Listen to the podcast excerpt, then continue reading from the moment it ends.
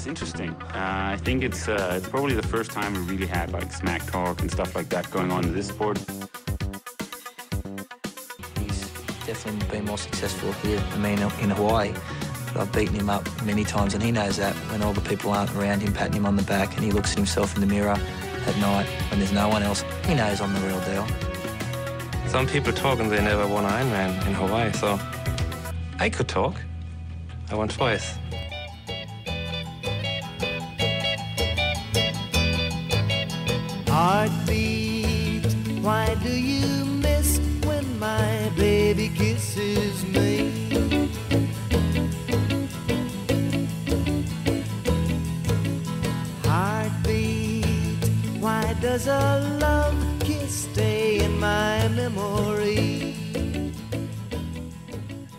Lasse. God aften, Kasper.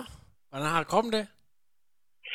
Jo, den, øh, ja, jeg burde jo føle mig som en på 22, men øh, det er ikke lige sådan ting, det står til i øjeblikket. Ved du hvad, jeg har lige fundet en sang til lejligheden. Skal vi lige prøve at lige høre lidt af den, hvis vi kan få det til at, øh, at passe herinde over? Ja, præcis. Er du klar? Skal vi se, Ja, om du klar. kan høre med her? I en sal på hospitalet, hvor de hvide senge står, lå en lille brystsvag pige, syg og bleg med gyldent hår. Lå en lille brystsvag pige, syg og bleg med gyldent hår. Og så lukker vi lige ned for Jødelvirket. Kunne du høre det, Kasper? Nej, jeg kunne faktisk ikke høre det. Men øh, Der, der var lidt Men, klud øh, jeg- Ideen var der, ideen var der, det kan være, jeg kan klippe det ind i podcasten senere. Men øh, Okay. det, det, det var jo bare et lille øh, morsen venslag, men i virkeligheden så er det ikke særlig morsomt. Øh, vi skal tale Nej, lidt nej. om, øh, om øh, sygdomsforløb, for du har faktisk øh, været indlagt hen over nytåret her. Jeg må lige huske at, at sige her, øh, godt nytår til alle lyttere, og øh, at vi selvfølgelig som altid er sponsoreret af Fusioner med 24, øh, men, men det er lidt mere alvorlige sager, vi skal snakke om, fordi at øh, igennem øh, det sidste års tid, Kasper, der har du jo øh, kæmpet med nogle forskellige øh, hjerteproblemer, og øh, så ser det ud som om, at det var ved at være styr på det, at du er i gang med at lave et rigtig fint resultat nede i, øh, i Dubai. Og, øh, men så blev du alligevel indlagt. Hvis du lige prøver at tage os igennem øh, det der f- øh, forløb, øh, sådan hvordan det har været på det seneste, så kan vi lige prøve, at, når du lige har fortalt det, at spole, spole lidt tilbage og, og, og fortælle om, hvordan det egentlig er opstået til at begynde med. jamen, altså, det har jo, det har jo været et meget langt og mærkeligt øh, forløb, og hvis, hvis vi skulle igennem det hele, så, øh, så ville det nok blive en meget, meget lang podcast. Ja. Men øh, altså, for lige at gøre det kort, så øh, altså bare lige fra august måned af, var der, hvor det sådan rigtig blussede op, hvor at jeg, jeg blev indlagt øh, på Hillerød Hospital øh, med det, som de så efter et meget langt forløb fandt ud af, var det, der hedder en perikarditis, som er, er noget betændelse omkring hjertet.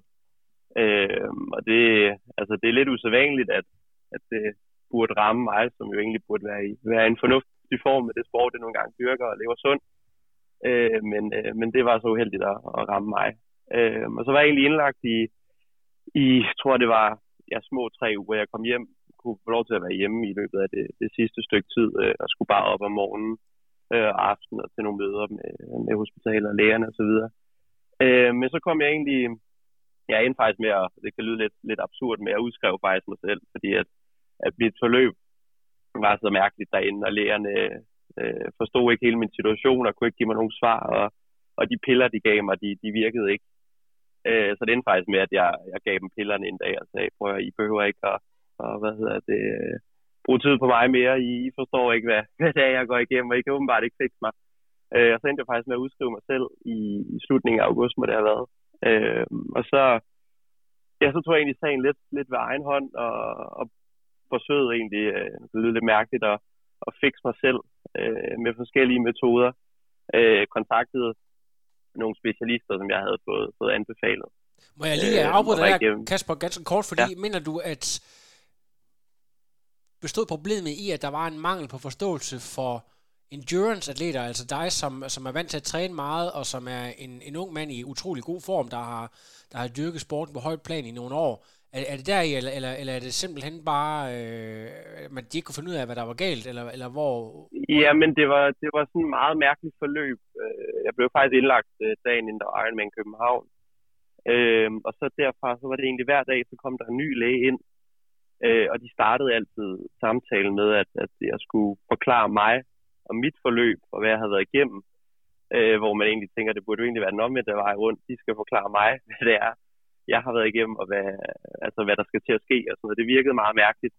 Øh, der kom en ny læge ind hver dag, og de kom alle sammen med, med nogle forskellige idéer om, hvad det kunne være. Og, og jeg diskuterede frem og tilbage med dem, øh, og de sagde alle sammen, at, at jeg kommer ikke til at dyrke, dyrke sport igen, og det skulle jeg bare sætte på pause, og at, at jeg kom til at, at skulle have det her resten af mit liv.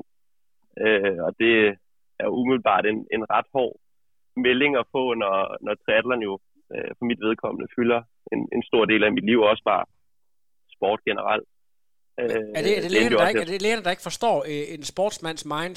For det vil du selvfølgelig aldrig nogensinde acceptere, øh, medmindre det var absolut præcis. sidste udvej. udvej. Så, så ja. handler det om, at det er sådan en, en lidt kynisk lægeverden, du møder der? Ja, men det, ja, ja, faktisk, fordi jeg tror, at det var egentlig, at det var den anden eller tredje dag, jeg var indlagt. Øh, lå og havde det ikke sådan, sådan specielt godt. Øh, så kommer der en læge ind, der er sådan noget stuegang øh, hver, hver formiddag, hvor lægerne kommer ind. Øh, og det var på anden eller tredje dagen, der var indlagt. Og så kommer ham lægen ind her, jeg tror, han er der i en, en hvad hedder det, 10-15 sekunder. Han præsenterer lige sig selv, og så siger han bare kort og kynisk, at du kommer ikke til at, at lave, lave sport igen, øh, og det ser ikke specielt godt ud. Og så vender han bare ryggen til og, og går sin vej.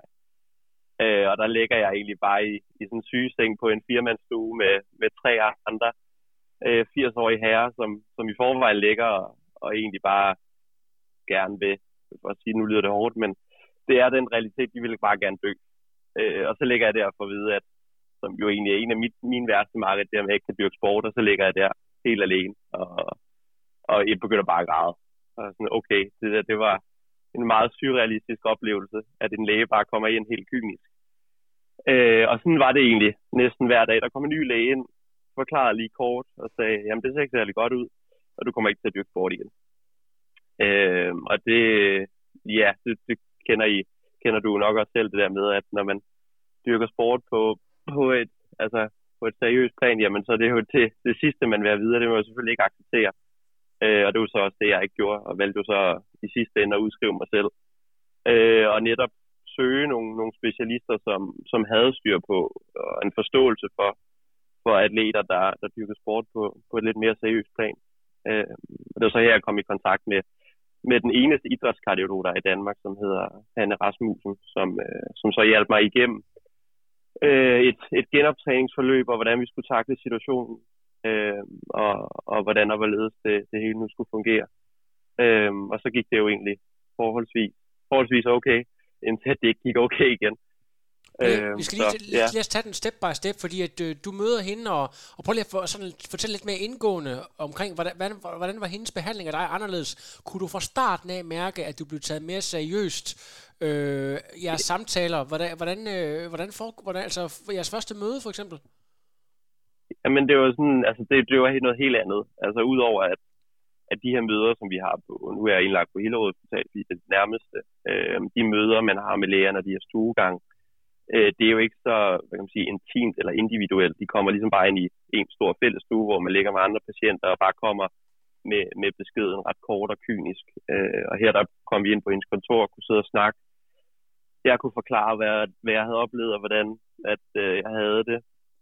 Øh, og forklare det med, altså mere detaljeret, og hun sad og noterede og kom med hendes vurderinger det ene og det andet. Og, og modsat alle de andre læger, som udover de sagde det her med, at jeg kom til at dyrke sport, jamen, så sagde de også, at altså basically, jeg skulle ligge stille i seks måneder, efter jeg blev, blev udskrevet. Altså ingen aktivitet, ikke engang noget med sådan at nærmest gå en tur. Jeg skulle bare ligge jeg sengeliggende i seks måneder, og så skulle jeg tage den derfra. Øh, så der var en, altså, der virkede også, der var en helt anden ekspertise på, og også det her med hjertet er jo en muskel som, som så meget andet, så det skal jo også trænes øh, og genoptrænes lige så stille.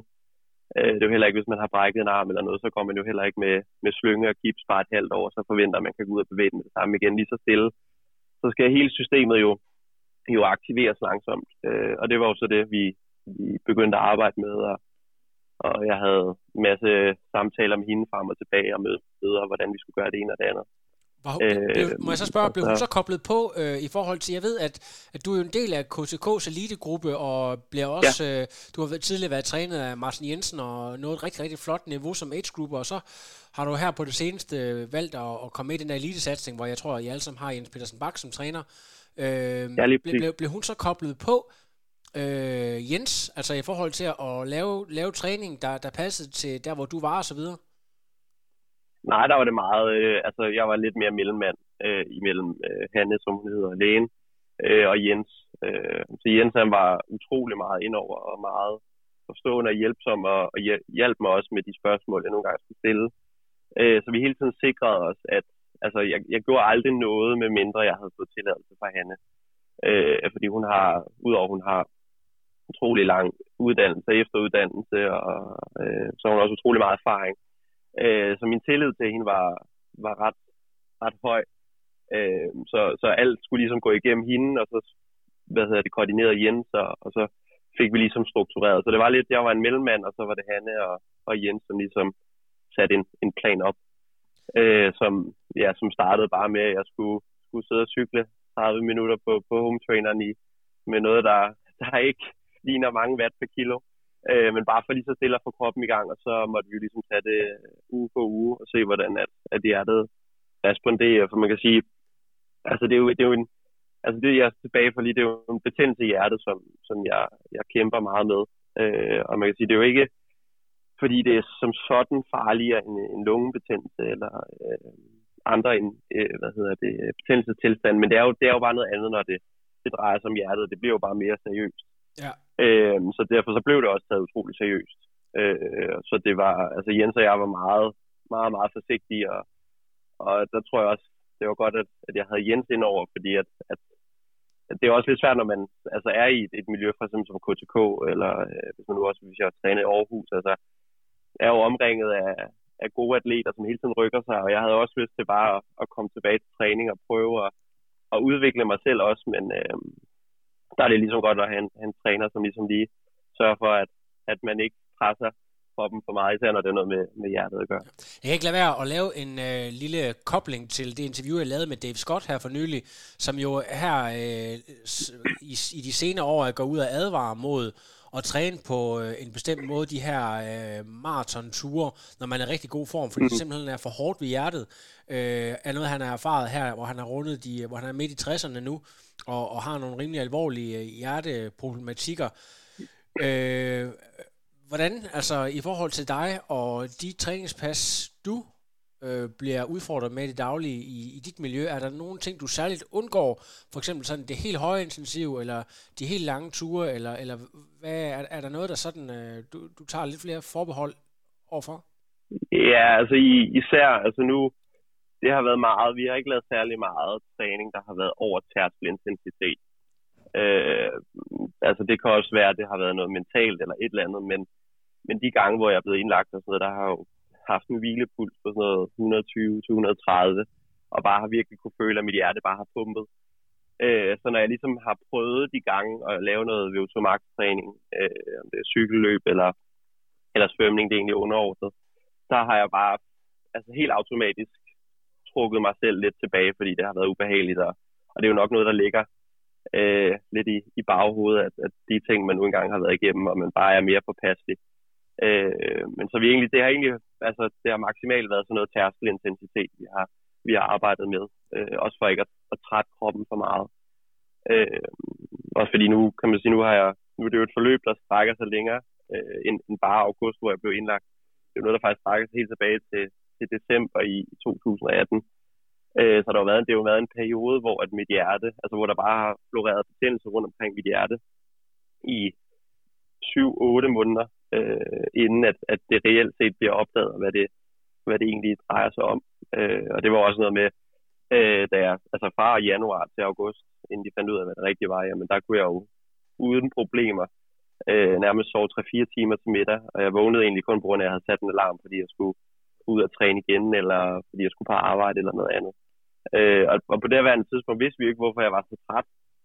Øh, men det har vi så fundet ud af, af senere hen. Det er jo klart, at hvis, hvis der er noget betændelse, der florerer rundt omkring hjertet, så, så sådan et par hårde træningspas og mange øh, timers træning om ugen, det er jo ikke ikke det mest optimale øh, set i bagspejlet, men, men det var ikke noget, vi kunne vide øh, dengang, og det, det vidste lægerne så åbenbart heller ikke, selvom man, man burde tro, at det, det burde de have fundet ud af for længe, lang tid siden. Kasper, det kan godt være, det er et lidt mærkeligt spørgsmål. Hvordan føles det? Jeg har sådan en, en øh, idé om, at øh, der er mange, der snakker om, at hvis man er ude og, og bestige Mount Everest eller nogle høje bjerge, den Ja. der ild, ilt, altså det der med, at, at det kan være øh, så anstrengende, at man faktisk dør af udmattelse og, og, og komme ned ad bjerget, fordi der simpelthen ikke er nok ilt. Ja. Øh, er det lidt det samme, det der med, at du kan mærke, at der ikke kommer ilt nok rundt i kroppen, fordi at der er den betændelse ved hjertet, eller hvis du kan beskrive det? Ja, men det, det, altså, den bedste måde, jeg kan øh, beskrive det på, det er sådan, altså, det er sådan lidt en, det strækker sig lidt over fire dage, inden det bliver rigtig slemt. Øh, hvor først så begynder det sådan at, at stikke lidt omkring hjertet, lidt øh, som om der er en, der lige går ind og niver øh, i brystkassen, eller øh, lidt groft sagt, lige, lige tager en lille kniv og lige snitter et eller andet. Øh, og så lige så stille, så begynder man at få lidt symptomer på, altså lidt svært ved at synke. Øh, lidt, lidt faktisk lidt som en, en lungebetændelse. Øh, og så udvikler det sig egentlig bare derfra, hvor lige så stille, så normalt så har jeg en hvilepuls på 40 cirka. Øh, så stiger den egentlig bare i, i løbet af, af 3-4 dage øh, til omkring de der 120-130. Øh, og så begynder man bare lige så stille sådan at hyperventilere, for man kan ikke trække vejret ordentligt ind, for det er jo klart, når trækker vejret ind, og luften går ned i lungerne og lige ting, jamen så går det jo ind og påvirker lungerne og hjertet. Øh, og der sidder jo bare en kæmpe masse af betændelse rundt omkring, så det går ind og trykker. Øh, så det, det føles virkelig bare som om, at ens krop bare er, er under angreb, og især hjertet. Øh, og så er, det, altså, det er egentlig bare som om ens hjerte bare kører. Hvis man kan forestille sig alle de der cartoon øh, network øh, Disney-ting, hvor at hjertet bare pumper øh, frem og tilbage på nogle af de her Disney-figurer. Det er lidt sådan, det føles. Ja. Øh, Sådan, du næsten så kan det, mærke, det det er ikke, ud af fordi det er bestemt. Ja, lige præcis. Det er faktisk sådan, det føles. Øh, og det er ikke, fordi det er specielt bekvemt. Men, øh, men ja, det, jeg har efterhånden, nu har jeg fået, tror jeg, det er seks eller syv tilfælde. Øh, så jeg vender mig jo lidt til det, men, men problemet er bare, at, at det gradvist bliver værre og værre. Øh, og det er jo lidt selv sagt, at øh, det er jo ikke sundt for hjertet at, at blive angrebet på den måde. Du sender, Øh, så det er du, også derfor, at... Og hvad Øh, siger du der? Jeg siger, du, du sender mig øh, et billede her den 31. Øh, at, at nu er du blevet indlagt og, og øh, blevet lagt i boble øh, i isolation. Ja. Øh, og det er sådan lidt, du ser, altså det ser meget hy- hyggeligt ud. Du sidder der med, med frisk lavet sushi og, og så videre, og, og ser egentlig glad nok ud. Men er du, er, har du sådan en, øh, altså jeg ved ikke, om man kan have dødsangst som 22-årig, men øh, altså er, er du reelt bange for, at det, at det kan gå sådan helt galt? Øh, eller hvordan, hvordan har du det? Ja, men det, altså, i starten var det sådan lidt... Øh, altså, man bliver selvfølgelig urolig, øh, når, når det er noget med hjertet at gøre, men, men når læger der også kommer ind og siger, at vi har styr på det, vi skal have bekæmpet den her betændelsestilstand, vi skal have, have hvad hedder det, bygget træning stille og roligt op, altså nu refererer jeg til den samtale, jeg havde med Hanne, at, at så er der ikke noget, noget farefuldt som sådan. Øh, men problemet er jo, at, at når det kommer tilbage hele tiden, øh, så, så bliver der dannet sådan noget arvæv øh, omkring hjertet, og hjertet bliver mere og mere stift, hver gang det kommer tilbage. Øh, og når hjertet bliver mere og mere stift, jamen, så får det også svære og svært ved at trække sig sammen. Øh, og det er jo, det behøver vi ikke gå i detaljer, det er jo ikke så super godt, hvis, hvis hjertet ikke kan, kan trække sig sammen mere. Øh, så, så efter jeg kom hjem fra, fra Bahrein, og jeg ligesom blev ramt igen, øh, hvor jeg egentlig troede, at, at nu havde jeg lagt det bag mig, og jeg havde også øh, været igennem et, et psykolog psykologforløb for, for ligesom at udover at det var en hård periode ikke at kunne træne og sådan noget, så, så, så kan det ikke, det kan ikke andet end at, påvirke en lille smule, når, når det kommer lidt, lidt tæt på livet. Så det, at det lige pludselig kommer tilbage, det har ikke, øh, ikke været den, den nemmeste, det har ikke været den bedste jul øh, og, og nytår, jeg har, jeg har haft eller været igennem.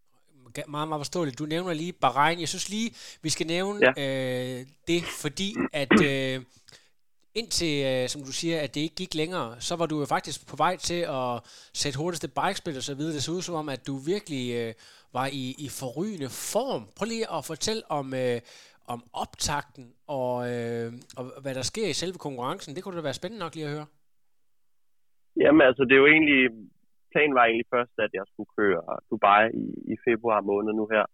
Øh, også at jeg skulle forsøge mig i, i profeltet og se, hvordan det kunne, hvordan det vil, vil øh, spille an. Øh, men så snakkede jeg lidt frem og tilbage med Jens, og, og Thor og Magnus havde også planer om at tage til Bahrain, og så snakkede vi lidt om, at det kunne måske være meget godt lige at, at slutte af med et age group race, og lige komme tilbage og race, for nu havde jeg ikke kørt noget race i, i 100 år. Der er jo bare altså, helt automatisk nogle ting, man lige, lige skal have indødt igen. Øh, men det var ligesom, det var mere bare et, et træningsrace, og vi havde egentlig ikke lavet som sådan noget specifik træning. Det havde været meget øh, grundtræning og sørge for at bygge hjertet op og ikke presse, presse citronen for meget. Øh, og så skulle jeg ligesom bare ned og køre på regn og, og se, okay, hvad, hvad er dagsform, og hvad kan vi så arbejde ud fra med det mod øh, Dubai, som så vil være, være mit første pro-race. Øh, men øh, altså ud fra, hvad jeg har præsteret før, så, så får jeg egentlig en, og ud fra mit niveau, jamen, så får jeg egentlig en, en fin nok svømning. Øh, skulle, planen var, at jeg skulle forsøge at, at svømme med, med de forreste age group, og så startede helt fremme. Øh, det er jo det der rolling start. Øh, det var så lidt irriterende, at der var sådan en trappe, man skulle ned af. Ja, men altså, det var sådan lidt en bøvlet start med, med trappen, øh, hvor at man skal gå ned af den, når der er en masse sten og sådan noget. Men, men så kommer man ligesom igennem det og får en, får en fin, øh, fin svømning. Øh, kommer op med, med, med de forreste del af age group feltet. Øh, der er måske lige en eller to, der, der er lidt længere fremme. Øh, men så var, var planen med Jens, havde snakket med, at, at hvis jeg egentlig følte, at hjertet fungerede fint, og at, at kroppen var, var godt med så skulle jeg egentlig bare træde godt igennem de første øh, kvarter 20 minutter, øh, uden sådan ligesom at, at kigge mig tilbage, øh, for at få skabt et hul, fordi age group racing, det er jo øh, ofte set, at der bliver draftet en del, så det vil jeg helst undgå. Øh, især på så flad en rute som i Bahrain, hvor det jo bare nemt at, at lægge sig ind på, på, hvad hedder det, 10 meter. Øh, men så kører jeg bare godt igennem de første 20 minutter, og kigget mig tilbage og kan ikke helt se nogen. Og så, så kører jeg egentlig bare fælder ind i, i de vat nu, vi havde, havde planlagt, og så, så holder jeg egentlig det meget fint, og, og føler egentlig, at, at det går godt. Øh, jeg når lige op på, på et tidspunkt op til Vincent Louis, som, som kører noget relay, og får også lige spurgt ham en gang, om han har, har set nogle andre e men øh, det havde han ikke. Han lagde sig bare lige på jul, og så havde vi lidt, lidt noget snak undervejs. Øh, og så, øh, ja, så er det jo så ved kilometer 82, 83.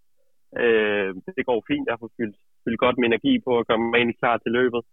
Lige så stille mentalt, og så, øh, så lige pludselig så siger, siger fronthjulet bare bang, og så øh, sådan flad. Øh, og jeg stopper, og, og ligesom bare lidt panisk skynder mig at få, få skiftet slangen og sætter en patron i. Øh, kommer egentlig forholdsvis hurtigt videre. Jeg tror ikke, det tager mig mere end en halvandet to minutter. Øh, fører stadigvæk, da jeg så kører afsted, og så går der ikke mere end, end 30 sekunder, så, sådan den flad igen. Øh, og så finder jeg så ud af, at jeg har fået sådan et, et kæmpe cut i, i, i dækket, øh, så, så slangen den stikker nærmest bare ud, og så var der jo ikke særlig meget andet at gøre. Jeg havde heller ikke flere slanger tilbage. Øh, og så var det egentlig bare, øh, bare game over. Game over fra, fra, det, fra det punkt af.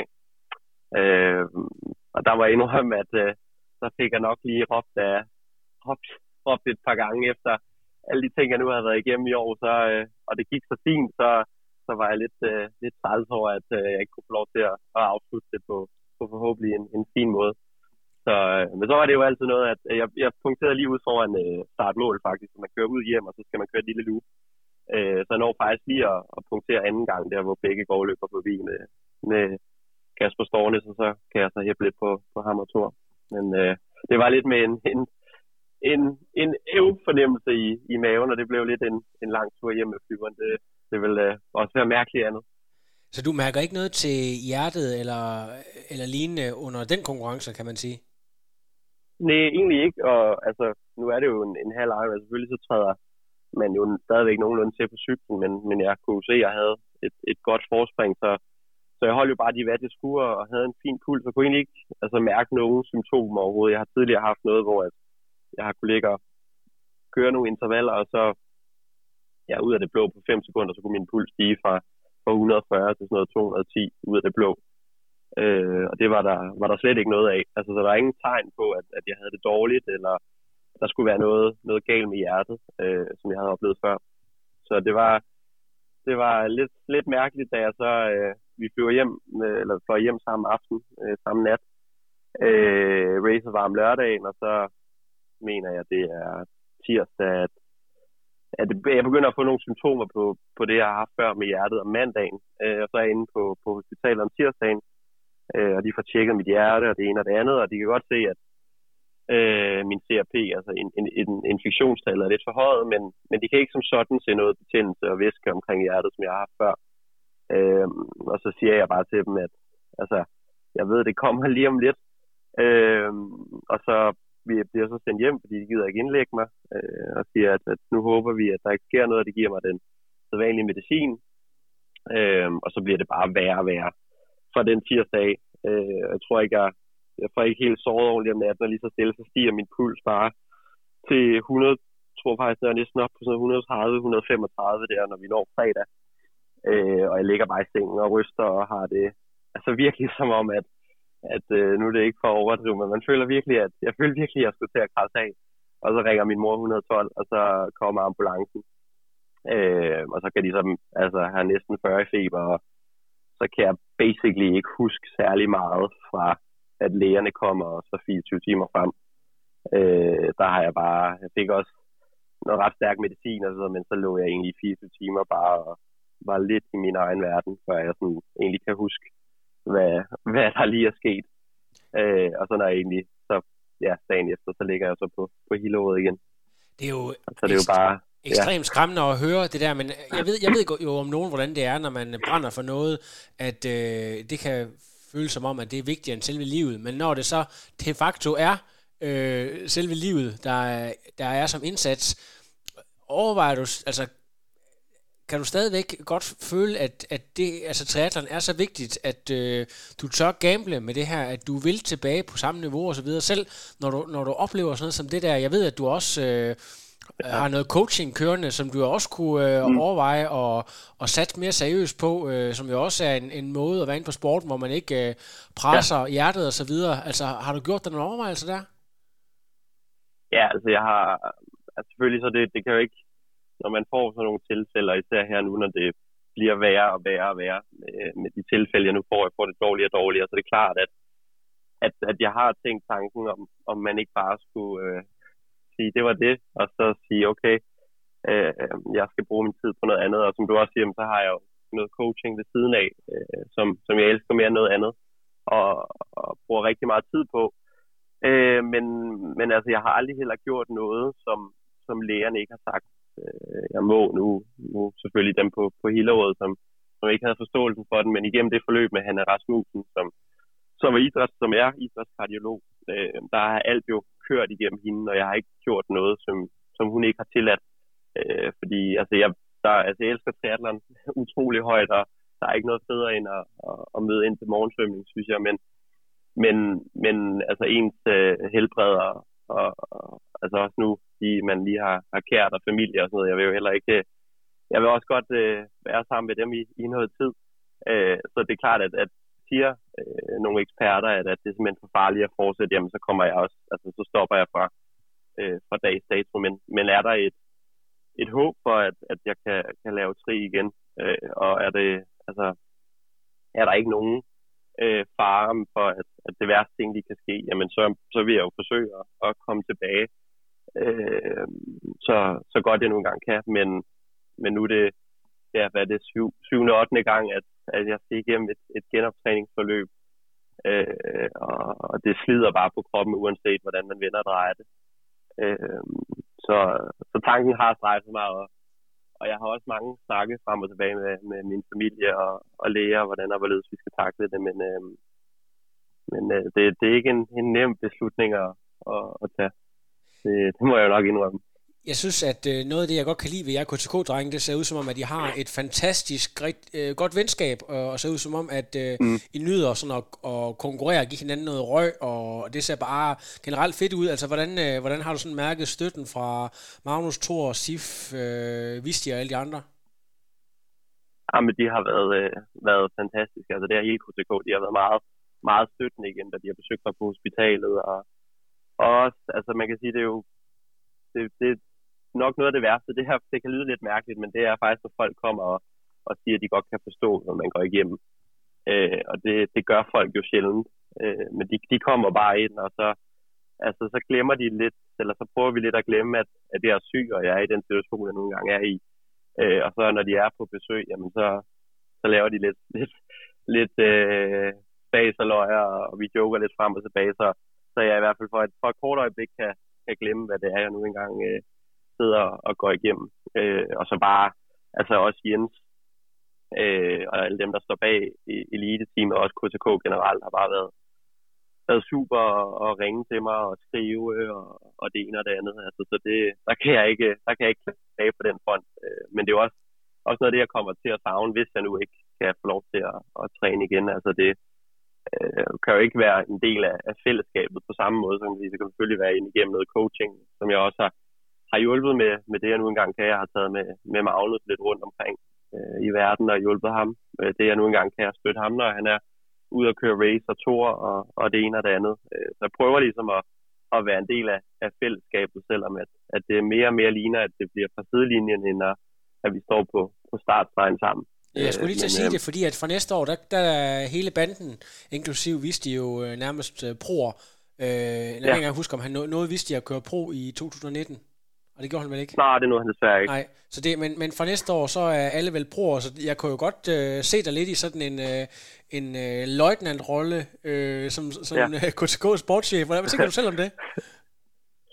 Jo, men altså, jeg har jo, jeg har jo prøvet at, at lige så stille, øh, også da vi var, da Magnus skulle køre et challenge ned i, i Schweiz, der fik jeg også charmeret mig ind til, at jeg kunne få sådan en, øh, hvad hedder det, medie, mediekort, og kunne få lov til at sidde rundt på motorcyklen øh, og, og, og tage lidt billeder og, og det ene og det andet. Øh, så det kan jo da godt være, at, at jeg laver en, en dansk øh, Talbot Cox og, og går den vej. Øh, men, men nu var planen jo ligesom, at, at jeg skulle have min pro-debut i Dubai om, om øh, en måned, men, men øh, nu sidder jeg her på, på Hillerød i en isoleret øh, 15 kvadratmeters øh, hvad hedder det, øh, hospitalsværelse, og sidder med drop i armen. Det, så der er lidt langt øh, til, at jeg, der er lidt lange udsigter til, at jeg burde stå øh, på en startstreg om, om fire uger i Dubai. Ja. Så, øh, Ja, så det kan godt være, at det bliver, bliver løjtnant øh, siden, øh, jeg kommer til at, at, at beskæftige mig mest med. Jeg håber virkelig, at øh, du får mulighed for at komme tilbage. Det, det fortjener du, men øh, jeg har det også bare sådan, at øh, jeg er sikker på, at du nok skal øh, kunne holde en god kontakt i sporten, hvis det er, at, øh, at det ikke er fysisk muligt. Der er lige noget, jeg vil vende med dig, inden vi øh, lige skal runde af for det her interview. Fordi jeg sad i går og så øh, en virkelig, virkelig god film, der øh, jeg tror, den er fra 2017, der handler om, den har faktisk to titler. Jeg tror, den, den originale svenske titel er Borg, og så øh, tror jeg også, at den er kommet ud i sådan den engelsksprogede verden som øh, Borg versus McEnroe, der handler om øh, det her famøse øh, Wimbledon-opgør tilbage fra 1980, der sådan går ind i psykologien omkring tennis. Og jeg ved jo, at, øh, at du har haft rigtig meget at gøre med tennis og spillet en del selv som yngre og også øh, været lidt øh, coach og så videre. Øh, kan du lige prøve at fortælle om, øh, om sådan din... Øh, jeg ved ikke, vej fra, fra den her nordsjællandske overklassesport og så ind i, i triathlon, og så øh, nogle af de der elementer fra den her sport. Fordi det er jo virkelig øh, sådan nogle af de ting, jeg aldrig rigtig har overvejet, hvor, hvor, hvor meget psykologi betyder, når man, øh, når man spiller tennis på så højt plan. Jamen altså, jeg, jeg har aldrig sådan, som sådan været, været helt super til tennis. Øh, det har mere været spillet lidt turneringer og hister her, men, men jeg har aldrig sådan helt øh, lavet noget, øh, noget, der har været at skrive hjem om. Øh, men altså, der, er- der, er jo, der er jo mange paralleller, man faktisk kan, kan trække til, øh, til triathlon. Øh, jeg, spillede, jeg startede faktisk med at, at køre, køre go-kart, fra da jeg var helt lille. Øh, og brugte egentlig største delen af min tid på det. Øh, og drømte som, som mange andre unge racerkører om at, at komme i Formel 1. Øh, men øh, så fandt jeg også lige så stille ud af, at, at det koster kassen. Øh, og på trods af, at, at vi bor i Nordsjælland, så, øh, så skulle der nok lige en god lotto-kupon til, at, at det kunne lade sig gøre. Øh, men øh, ja, så begyndte jeg at spille tennis. Øh, men så i løbet, jeg tror det var, da jeg var 14-15 år, øh, så var jeg på, på noget familieferie. Øh, og så min mor og far har altid været aktive og er aktive. Øh, altså de, har, de løber meget, og så løber jeg med min far. Øh, vi havde sådan 5 km øh, rundstrækning. Øh, og så næsten for hver dag, så prøvede jeg at løbe en runde mere og mere, og så ville jeg til sidst øh, gerne løbe en maraton, da vi kom hjem fra ferie, og så tog det egentlig fart derfra. Jeg var en, en 14-15 år, så, så kom jeg lige så stille ind i, i trisporten, øh, da jeg fandt ud af, at, at det eksisterede. Øh, og så, så blev jeg en del af, af Sigma Tri, øh, som dengang var, var ledet af, af Johnny Petreus. Ja, det er legenden. Øh, far til, ja, legenden Johnny Petreus. Det Ja. ja. var øh, old, old school træning, der var ikke så meget der. Øh, så kom jeg egentlig ind den vej igennem, øh, og han hjalp mig de, de første par år, øh, indtil at jeg så, øh, det var meget sprint orienteret dengang, men, men jeg har aldrig svømmet eller noget som helst tidligere. Øh, så jeg havde kunne meget hurtigt godt se, at, at det der svømmeniveau der, det, det kunne ikke være noget, der lige kom til at gøre sig gældende på, på de korte distancer med det samme. Øh, så jeg fik en forholdsvis hurtig interesse for de lidt længere distancer. Øh, og så, øh, da Johnny Petreus, han øh, har jo været på posten i en del år, så ville han gerne bare mere varetage sig øh, omkring voksenafdelingen, og så da jeg fik, fik øh, jobbet som, som cheftræner for ungdomsafdelingen i Sigma, øh, så havde jeg lige pludselig ikke helt en træner eller et, et sted at træne som sådan. Øh, så det var så det, jeg kontaktede øh, Martin Jensen, øh, som virkelig fik, fik rykket mit, mit niveau, øh, især øh, som han gør med så mange andre atleter for, for, cykel, eller for rykket cykelniveauet øh, rimelig markant. Og ham øh, arbejder egentlig sammen med i, i halvandet år, hvor han fik mig fra en, en rimelig øh, nybegynder age grouper til at blive der i hvert fald forholdsvis øh, average. Øh, og så, øh, ja, så, så blev jeg så en del af, af KTK. Øh, jeg begyndte at, jeg har altid jeg kendt Magnus øh, et år forinden øh, og trænet meget med ham. Øh, og så blev han, begyndte han at træne mere og mere i KTK og, og præsenterede mig for, for det projekt, de havde gang i. Øh, og så, ja, for hvad det er et år. Ja, december sidste år, inden jeg kørte på regn, øh, så, øh, så fik jeg også tilbud om at blive en del af eliteholdet. Øh, og det er jo, hvad hedder det, så det skal man også have, have Jens som træner. Øh, så jeg måtte, måtte desværre sige farvel til, til herr Jensen, øh, den gode gamle herr Jensen. Øh, og så, så blev jeg så en del af eliteholdet og, og fik Jensen træner.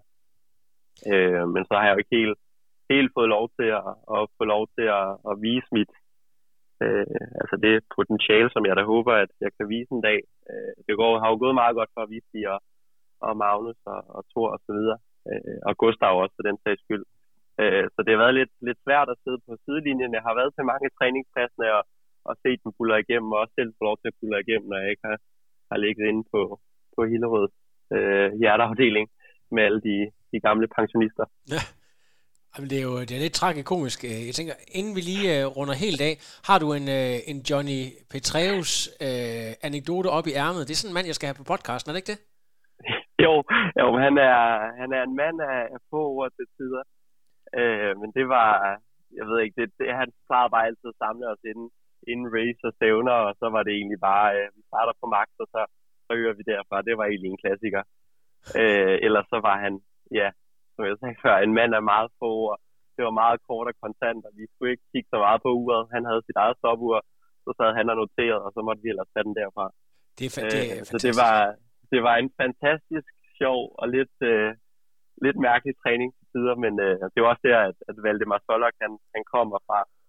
Øh, det er, hvad hedder det, Johnny Petraeus, der startede med, med Valdemar i, i sin tid, øh, og, og ligesom fik Valdemar ind i sporten, og, og har da også hjulpet ham i hvert fald størstedelen af vejen til der, hvor han nu, til det niveau, han nu engang har øh, i dag. Så han er en, han er en legende, øh, uanset hvordan man vender og drejer det. Er nemlig, og jeg øh, sad lige og, kiggede i gamle resultater. Han har jo faktisk øh, været aktiv i trisporten helt tilbage fra 80'erne, så, så, så selvom at han har haft meget med svømmesporten at gøre og så videre, så, øh, så er han jo inkarneret triatlet øh, helt fra begyndelsen af. Det synes jeg er super cool. Ja, ja, og han lavede også, det er ikke så mange år siden, at han lavede Ironman også, så nu, øh, nu er han så godt nok øh, stoppet øh, karrieren helt, men øh, og han er, han er en fantastisk mand. Ja. Det er han. Genialt. Jeg skal lige høre, hvis man gerne lige vil øh, sende en nytårshilsen til hospitalet, eller høre om øh, noget med coaching, eller bare øh, stille et andet øh, godt spørgsmål. Hvordan øh, får man så bedst fat, fat i dig? Ja, men øh, det, man er meget velkommen til at at skrive til mig på øh, min, min coaching. Øh, Jeg har startet mit øh, eget selvstændige coachingfirma, KP Sports Endurance. Så hvis øh, man, man har lyst til at høre om, hvordan at, øh, jeg griber tingene an som, som coacher og træner, så er man da meget velkommen til at, at skrive der til. Øh, men ellers så, øh, jeg, har, jeg vil gerne have flyttet hjemmefra i, i 2019. Øh, jeg vidste så ikke, at det endte med, at jeg skulle få adresse her på, på Hillerød Hospital, men øh, det er jo så sådan, jeg må starte ud en gang, så man kan altid velkommen. Man kan altid finde mig på Hillerød Hospital, hvis, øh, hvis der er et eller Hvis andet. det går helt galt. Er det Instagram? Er det også, er det også et sted, hvor du er, er make it big? Ja, jeg plejer også at være sende lidt, lidt uh, skarpe ting ud på, Og hvad, hvad er det, du hedder på, på Instagram? Instagram. Er det også bare Kasper Pedersen, triatlet, eller hvad hedder du? Ja, men det er rigtig dansk. Vi smider også et Henrik ind i midten, så det er Kasper Henrik Pedersen ud i et. Det, øh, det kan vist ikke være mere dansk. Vi skal, ja, der er altså lige et tillægsspørgsmål, som jeg helt glemte midt i min øh, begejstring for at snakke med dig, fordi vi to er jo faktisk rigtig gode venner, så det er sådan lidt, øh, jeg sidder og hygger mig lidt for meget her, og, og glemmer Ja. at være det professionelle oraklet, fordi der er noget, øh, du har altså også et andet øh, tillægsnavn i KTK, og det har også lidt med hjerter at gøre, for du er nemlig også Tinder-kongen, eller Tinder-tyren.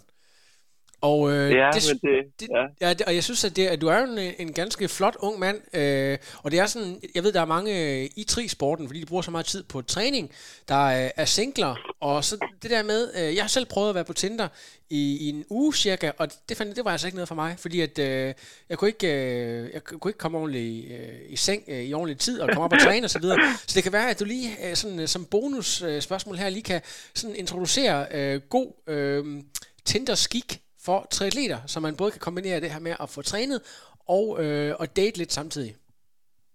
Ja, men det var faktisk en, det er en meget sjov historie. Jeg kommer nok til at skuffe mange. Men øh, jeg bruger faktisk ikke Tinder. Jeg har næsten aldrig brugt det. Jeg tror, det er Scott Stenberg, der i, i sin tid har, har fået det der Tinder-tyr, og så ved T-dreng, der er begyndt på noget ladykiller. Øh, men øh, ja, det der Tinder der, det har jeg faktisk aldrig haft behov for. Jeg har godt kunne klare mig uden. Øh, nu øh, er jeg så begyndt, øh, Lars Schmidt, han, øh, han er vist lidt panisk derovre i Jylland, så jeg prøver at guide ham igennem kærlighedslivet øh, og hvordan man bruger Tinder, men, øh, men ellers så har jeg ikke så mange råd andet end, at øh, det er meget nemmere uden. Det, det er så, simpelthen øh, at så komme bruger ud. man heller ikke så meget tid på at, at sidde og swipe frem og tilbage. Nej, nemlig. Så, øh, Men, men oplev det og der så kan med, man at, netop også få sin, øh, sin, sin nattesøvn. ja, lige præcis, men, øh, men altså det der med øh, at skulle ud, for eksempel, og møde damerne udenfor, det er vel også noget, der, der sådan hiver, hiver timer ud af, ja, timer man egentlig skulle bruge til at sove, eller restituere osv. Øh, er, er, det, er, det bare, øh, er det bare noget med at, og hvad kan man sige, række ud i miljøet, øh, fordi det er jo tit der, man møder sine dates, altså nogen, der er i tri- eller svømmemiljøet i forvejen, eller løbemiljøet. Ja, altså det er jo behøver ikke altid nødvendigvis at være, være, være tre miljøet, men øh, altså en, en god kop kaffe og, og så nogle øh, lidt platte jokes, det, øh, så kommer man sgu aldrig helt galt i byen.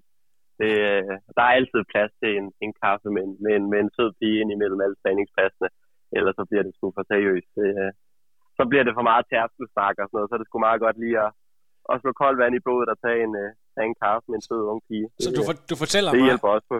Du fortæller mig, at det er en dårlig strategi at fortælle om øh, ens øh, high score på, øh, på Strava, for eksempel, på, på den her date. Ja, det er nok ikke, øh, ikke der, man skal, man skal starte ud, hvis det er.